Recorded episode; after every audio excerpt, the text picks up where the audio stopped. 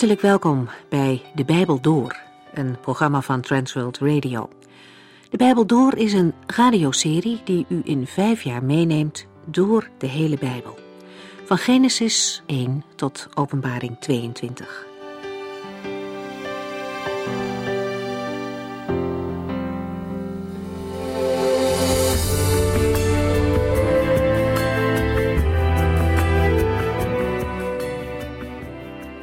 Hoofdstukken 10 en 11 van Jozua, daar ging het de vorige keer over.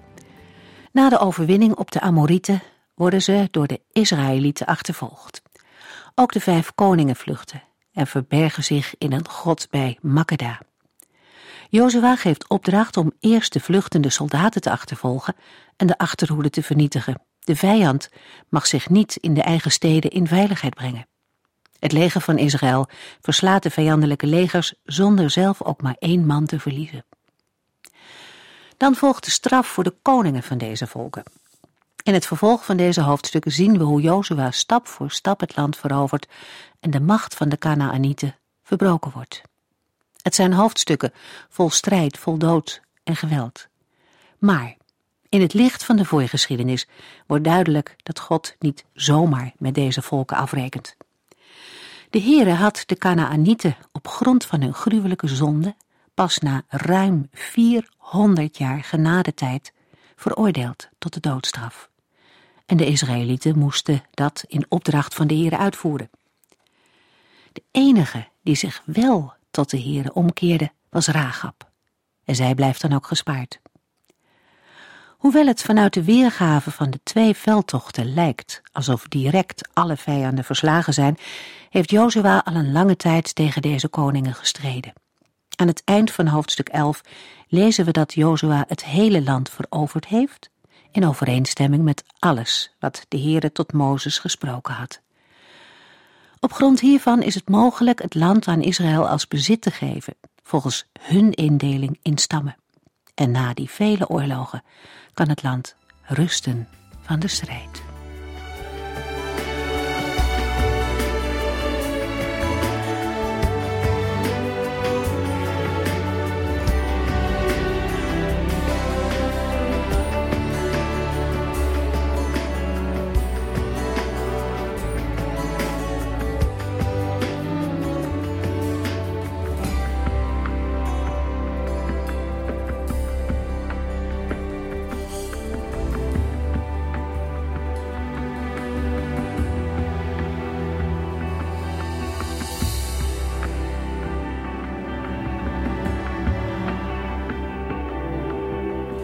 Het doel van Jozua 12 is om de overwinningen bekend te maken die de Heer aan Israël heeft gegeven. De inhoud is structureel verbonden met Jozua 11 vers 16 en 17, waar de veroverde gebieden zijn genoemd. Zoals Jozua 11 vers 12 tot en met 23 een samenvatting geeft van de veroveringen van Jozua, zo geeft Jozua 12 een samenvatting van alle veroveringen. Eerst die van Mozes en daarna die van Jozua. De werkzaamheden van Jozua staan niet op zichzelf, maar passen in een groter geheel. Jozua is de opvolger van Mozes die ook zijn werk voltooit. De opsomming van gebieden en koningen kan zakelijk overkomen, maar is bedoeld als een loflied tot eer van de Heere. In vers 1 vinden we in de Hebreeuwse grondtekst tweemaal het woord land. Het is een aanwijzing dat de overwinning vooral te maken heeft met land dat Israël in bezit neemt.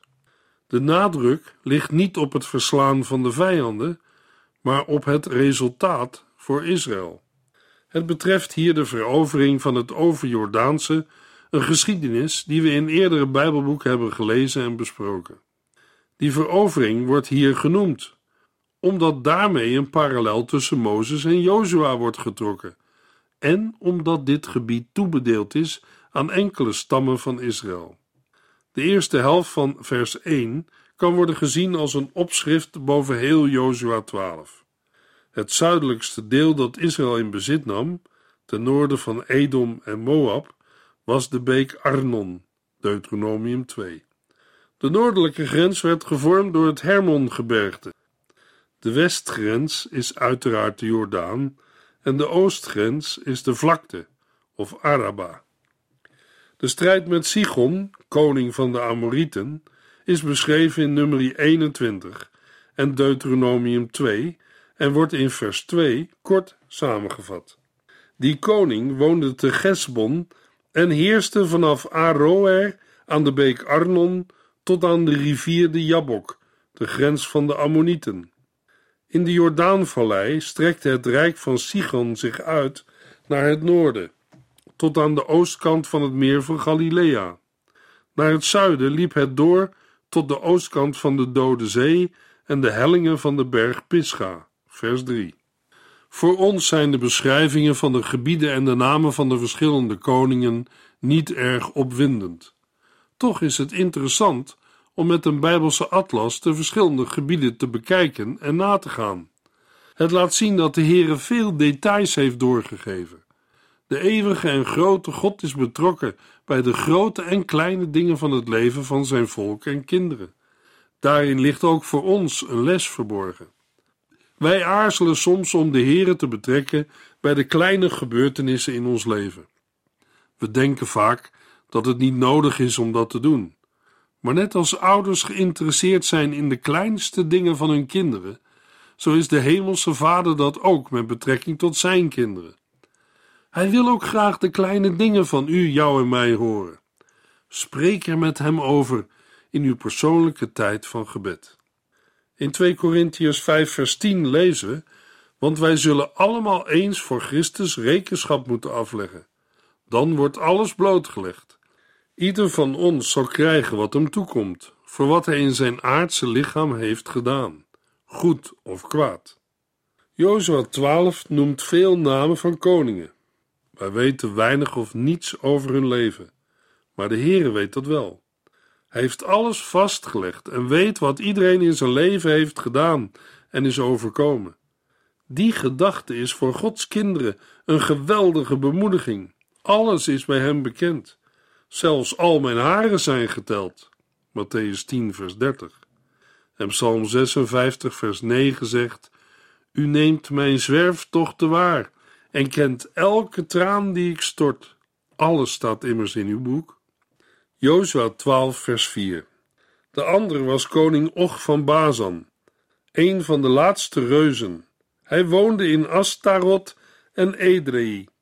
In het vervolg wordt de verovering van het gebied van Och, de koning van Bazan, beschreven. Deze overwinning staat uitvoeriger beschreven in nummer 21 en Deuteronomium 3. Koning Och behoorde bij de Refaïten en hij woonde te Astarot en Edrei. Refaïten zijn een aanduiding voor een groep van reuzen, Deuteronomium 2 en 3, waaronder de Enakieten, Jozua 11. Het gebied van Och strekte zich uit tot de berg Hermon en omsloot Salka en Bazan tot aan het gebied van de koninkrijken van Gezer en Maaga. Daarmee omvatte het de noordelijke helft van Gilead tot aan het gebied van Sigon, de koning van Gesbon, vers 5. Mozes, de knecht van de Here, en de Israëlieten hebben deze twee koningen verslagen. Daarna heeft Mozes dit land gegeven tot een bezitting aan de Rubenieten en Gadieten en de halve stam van Manasse. Vers 6. Zoals Mozes handelde in het oosten van het gebied rondom de Jordaan, zo handelt Jozua in het westen van het gebied rondom de Jordaan. Het is het gebied van de Hethieten, de Amorieten, de Canaanieten, de Perizieten, de Giwieten en de Jebusieten. In de versen 7 tot en met 24 wordt een lijst van 31 steden gegeven waarvan de koningen zijn verslagen. De koningen zijn gedood, maar dat betekent niet dat hun steden ook verwoest zijn. De namen van de koningen worden hier niet genoemd, want het gaat Israël voornamelijk om het grondgebied. De lijst volgt in grote lijnen de volgorde van de veroveringen die in de voorgaande hoofdstukken van het Bijbelboek Jozua zijn verteld. Er worden een aantal namen toegevoegd, zodat duidelijk wordt dat de voorafgaande beschrijvingen niet volledig waren. Sommige steden zijn door Jozua wel ingenomen, maar moesten later nogmaals door Israël veroverd worden, zoals Megiddo, omdat de Israëlieten deze steden niet gingen bewonen. Toch wijst het overzicht in Jozua 12 op de grote successen die door Jozua in de eerste tijd van de intocht zijn behaald. Daarmee wordt de belofte aan de aartsvaders vervuld dat hun nageslacht dit land zal ontvangen, en zo wordt ook de straf op de goddeloosheid van de Canaanieten voltrokken. Genesis 15, vers 16 en 28, vers 4. De verovering van het overjordaanse onder leiding van Mozes vormde een garantie dat de Heere door zal gaan met zijn werk voor Israël in Canaan. Deuteronomium 3. De belofte klonk zelfs: Hij zal hun koning in uw macht geven, en u zult hun namen van de aarde laten verdwijnen, alsof ze nooit hebben bestaan. Niemand zal tegen u opgewassen zijn. Deuteronomium 7, vers 24. De eentonige opsomming spreekt van het wonder van de trouw van de Heere. Het Bijbelboek Jozua is een boek voor het nageslacht, vol herinnering aan Gods genade voor zijn volk. In het Nieuwe Testament worden geen koningen en keizers aangevallen en gedood door Gods volk, maar ze worden ingeschakeld in het goddelijke plan. Koningen als Herodes en Agrippa moeten zonder dat ze het beseffen Gods raad dienen. Christus heeft getriomfeerd over de machten, Colossense 2. En in de toekomst zal hij dat in volle heerlijkheid doen, Openbaring 17 tot en met 20. Zijn volgelingen worden overwinnaars genoemd over alle machten van de duisternis. Door Christus zijn ze zelfs meer dan overwinnaars. Romeinen 8. De gelovigen zullen op de nieuwe aarde mogen wonen op grond van Gods genadige toezegging. Welke beloften er ook nog zijn ten aanzien van het huidige land Israël, wij zijn niet geroepen om door middel van kruistochten dit land te bevrijden.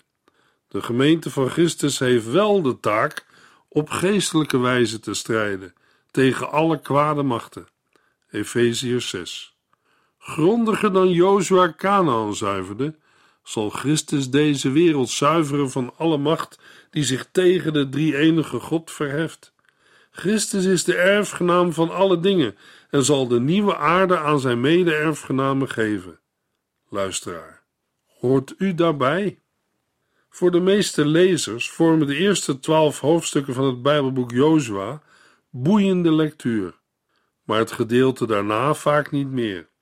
Pas in Jozua 22 tot en met 24 komt er weer actie. De tussenliggende gedeelten gaan over de verdeling van het land en bevatten heel veel namen die ons niet zoveel zeggen. Maar voor een Joodse hoorder en lezer bevat deze opsomming veel herkenbare punten. Het belang mag duidelijk zijn. Het eigendomsrecht op een stuk grond gaat immers terug op de verdeling onder Jozua. Door deze verdeling heeft iedere familie een eigen deel gekregen. De verdeling is niet alleen economisch of praktisch van aard, maar is Gods wil voor zijn volk. De verdeling berust op zijn opdracht, Jozua 13, en behoort bij het verbond, Jozua 24. De hoofdstukken 13 tot en met 21 hebben een logische opbouw.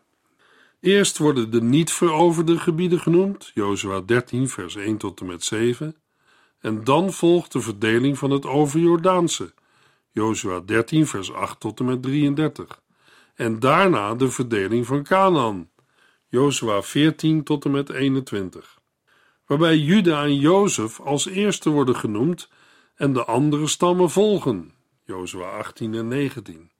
Aparte aandacht is er voor het grondgebied van Jozua, Jozua 19, vers 49 en 50, voor de vrijsteden in Jozua 20 en voor de steden van de Levieten, Jozua 21. Jozua 13, vers 1. Toen Jozua oud was geworden, sprak God hem daarover aan en hij wees hem erop dat nog heel veel gebieden in bezit moesten worden genomen. Halverwege het Bijbelboek Jozua lezen we dat Jozua een oude man is geworden. Hij is de leider die de Heere gebruikt om het land in bezit te nemen. Nu waren de oorlogen achter de rug. Op grond van Jozua 14 vers 10 kunnen we aannemen dat Jozua rond de 85 jaar was. Het is aannemelijk dat de overjordaanse stammen bij de verdeling aanwezig waren voordat zij naar huis teruggingen. Jozua 22. De leeftijdsaanduiding in Jozua 23 vers 1 en 2 moet dan betrekking hebben op een hogere leeftijd van Jozua. Jozua stierf toen hij 110 jaar oud was. Jozua 24 vers 29. Zo op het eerste gezicht gezien lijkt Israël het allemaal goed te hebben gedaan. Ze trokken het land binnen en dreven een wig in het centrum van het land. Ze veroverden eerst het zuiden en richtten zich daarna op het noorden. In Jozua 13 herinnert de Heer Jozua eraan dat er nog veel meer land moet worden veroverd en in bezit moet worden genomen. Net als in Jozua 1 spreekt de Heer hier tot Jozua om een taak uit te voeren, want het moet nog tijdens zijn leven gebeuren. Het eerste gebied dat nog niet veroverd is, ligt in het zuidwesten en behoort toe aan de Filistijnen en de Gezerieten. Dit gebied was vroeger het eigendom van de Kanaanieten en komt daarom door Gods belofte ook aan Israël toe. De vijf stadsvorsten van de Filistijnen in dit gebied behoren bij de steden Gaza, Asdod, Askelon, Gat en Ekron. Ook wonen de Awieten in deze regio. De andere grens van dit gebied wordt gevormd door Afek bij Akko, waar het gebied van de Amorieten begint. Er is nog een derde onveroverd gebied en dat nog noordelijker ligt.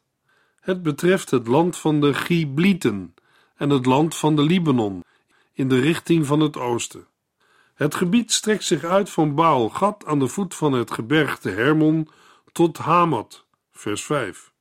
Daar bevinden zich de bergbewoners, die ook Sidoniërs zijn.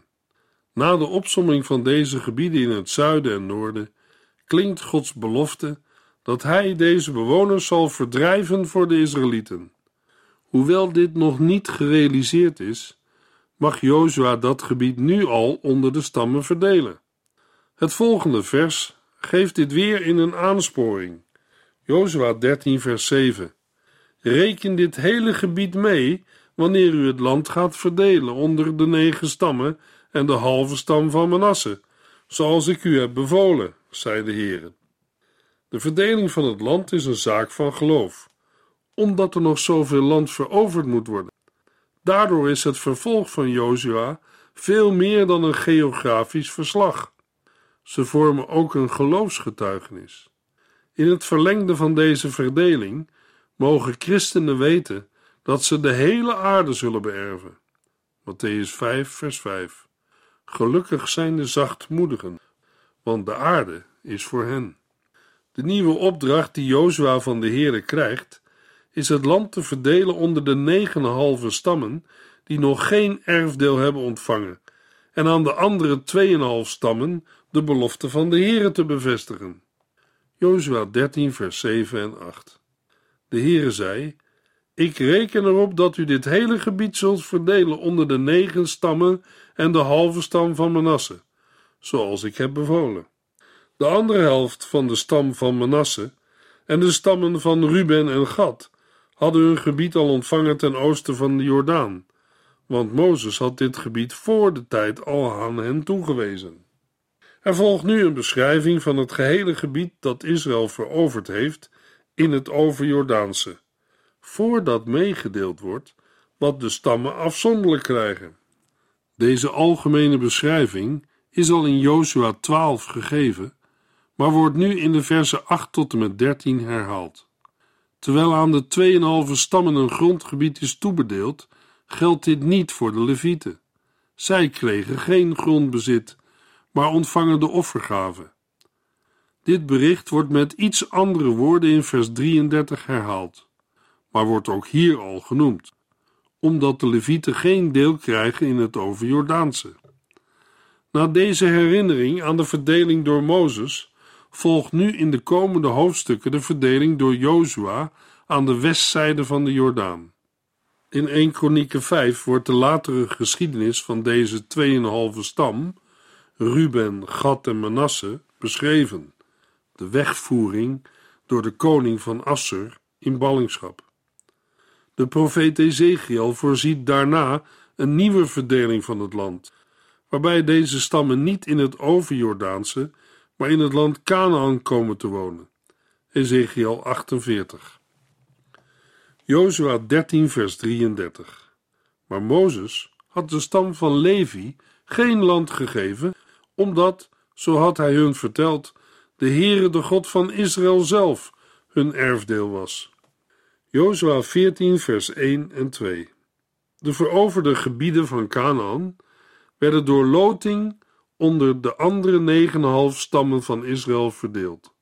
Welk gebied aan welke stam werd gegeven, werd bepaald door het lot te werpen voor de Heere.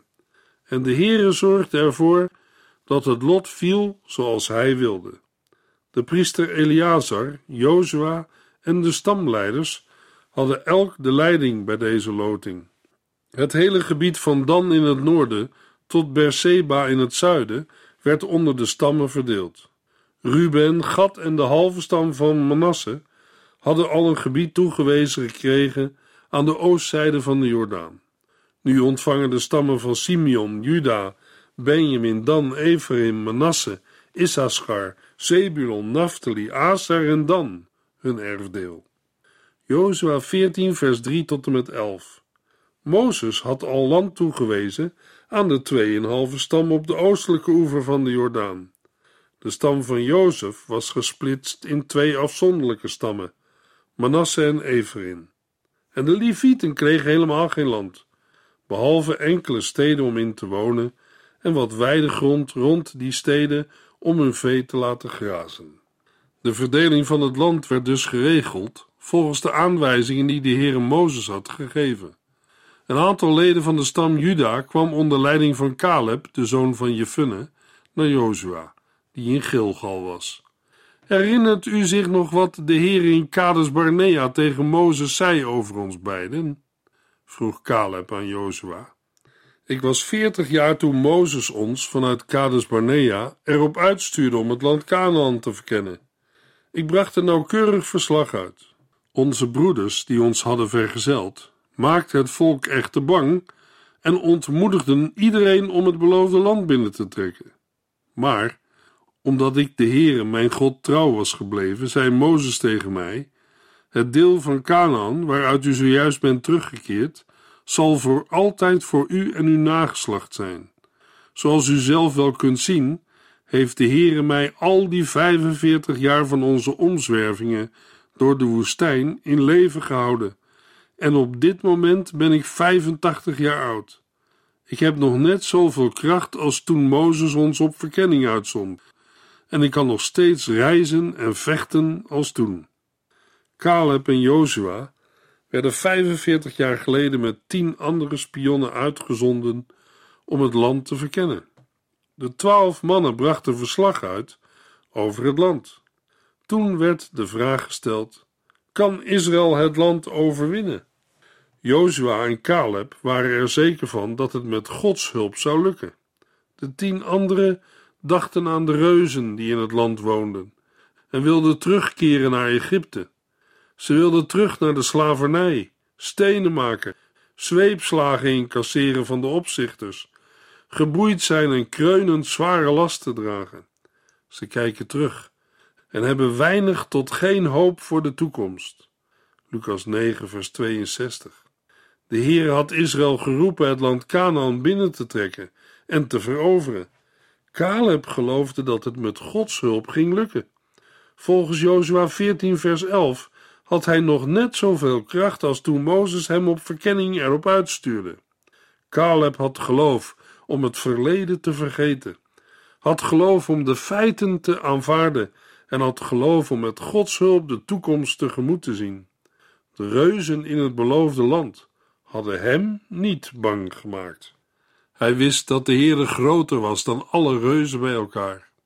Jozua 14 vers 12 Daarom vraag ik u mij het heuvelgebied te geven dat de Heere mij heeft beloofd. U zult zich herinneren dat toen wij als verkenners zagen hoe daar de Enakieten, een volk van reuzen, in grote ommuurde steden woonden. Maar als de Heere mij helpt, zal ik hen uit het land verdrijven. Caleb had zich al de veertig jaar in de woestijn verheugd over de zegeningen die hij in het beloofde land zou ontvangen. Omdat Caleb de Heer op zijn woord geloofde en trouw was gebleven, zegende Jozua Caleb.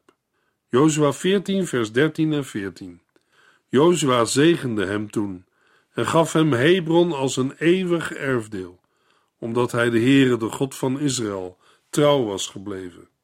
Voor die tijd werd Hebron Kirjat Arba genoemd, naar een beroemde held van de Enakieten. Toen was de strijd voorbij en kwam er rust in het land. Luisteraar, verheugt u zich in de dagelijkse zegeningen van de Heere? U zegt misschien, je moest eens weten hoeveel problemen ik heb. Ik weet dat mensen veel problemen in het leven hebben. Mijn hart en gebed gaan naar hen uit. Maar als het woord van God zegt dat alles nieuw zal worden, dan zullen mijn problemen niet blijvend zijn. In Psalm 10, vers 14 lees ik: U ziet de moeite en het verdriet om het in uw hand te leggen. Midden in de problemen, zelfs als ze zich opstapelen, weet ik dat die problemen niet blijvend zijn. Ze gaan voorbij. Want de Heere maakt alles nieuw. Hij zal alle tranen afwissen en niet toelaten dat een mens boven vermogen wordt verzocht. Wij mogen blijven hopen. Eén naam is onze hopen. Eén grond heeft Christus kerk. Zij rust in ene dopen en is zijn scheppingswerk. Om haar als bruid te werven, kwam hij ten hemel af. Hij was die door zijn sterven aan haar het leven gaf. Vergaard uit alle streken, in heel de wereld één, werd dit haar zalig teken. Dat allen is gemeen. Eén bede vouwt de handen, één zegen breekt het brood. Eén vuurbaak staat te branden in het duister van de dood. In de volgende uitzending lezen we Jozua 15 tot en met 18.